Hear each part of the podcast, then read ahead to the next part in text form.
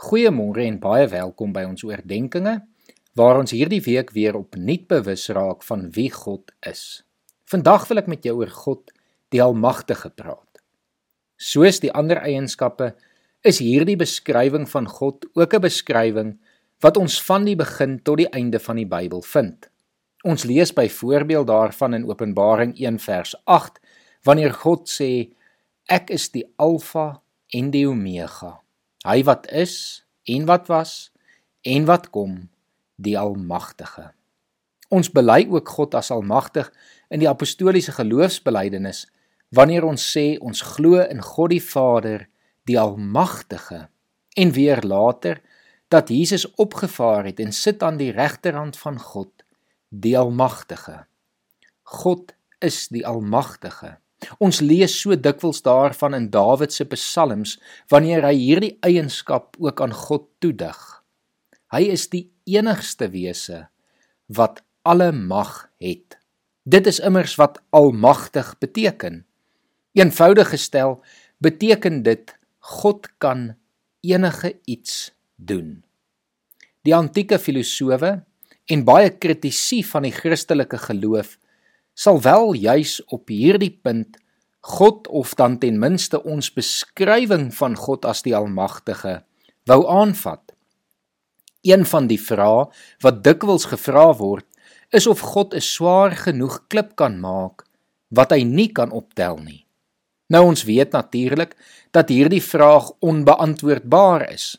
Indien mens sou ja sê, dan het God iets gemaak wat hy nie kan doen nie. Indien ons sou nee sê, is daar iets wat God nie kan doen nie. Met ander woorde, ons misluk. Alhoewel hierdie vraag dus doelbewus opgestel is om die gelowige te laat misluk, is dit tog 'n vraag wat ons kan help om God se almag te verstaan.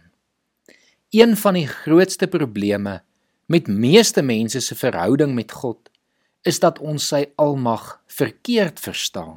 Ons wil dikwels eintlik sy almag misbruik ter wille van dit wat ek wil hê. Ons moet in die eerste plek besef dat daar tog beperkings op sy almag is. Soos byvoorbeeld dat God nie sonde kan doen nie. Met ander woorde, daar is iets wat God nie kan doen nie. God kan nie sonde doen nie, want soos ons gister gehoor het, is hy heilig. Tweedens het God die wêreld op 'n baie spesifieke wyse geskep en daar is sekere van selfsprekende reëls wat God nie sal verander nie. God kan byvoorbeeld nie 'n driehoek met vier sye maak nie, want dan is dit nie meer 'n driehoek nie, maar 'n reghoek of 'n vierkant. God kan wel 'n driehoek in 'n vierkant verander, maar 'n driehoek bly 'n driehoek. Hierdie klink dalk soos 'n simpel voorbeeld, maar dit is 'n belangrike konsep om te verstaan, veral wanneer dit baie meer ingewikkeld raak. Een voorbeeld van 'n ingewikkelde konsep met hierdie selfde beginsel is die menslike vrye wil. God het 'n beperking op sy mag geplaas sodat hy die mens vrye wil kon gee. Sonder vrye wil is die lewe soos ons dit ken eenvoudig nie moontlik nie. Is liefde en verhouding nie moontlik nie. En dit is immers wat God by ons soek. Hy soek 'n verhouding met my en jou. En ter wille van 'n verhouding met die mens het God dus vir ons vrye wil gegee. En kies God om dit te respekteer wat ek en jy besluit.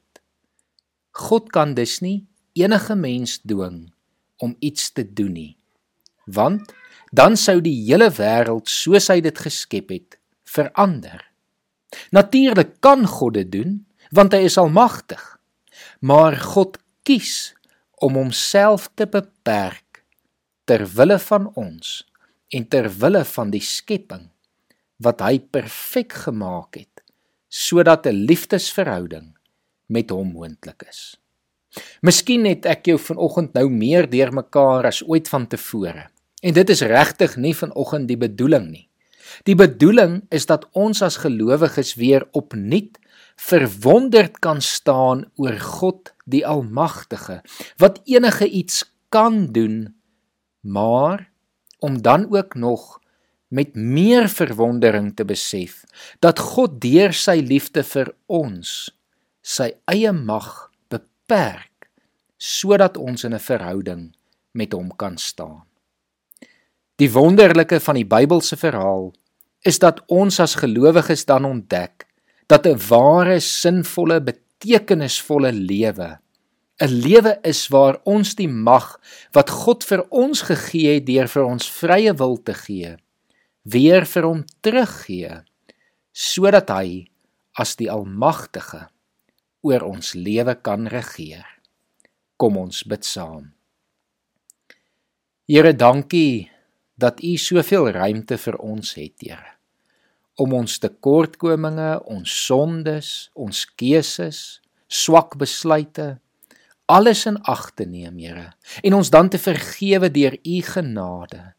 Here u en dan dan nooi u ons uit na u heilige teenwoordigheid en beperk u u almag sodat ons wel daar by u kan uitkom en in 'n liefdesverhouding met u kan staan.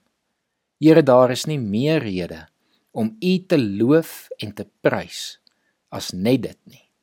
Amen.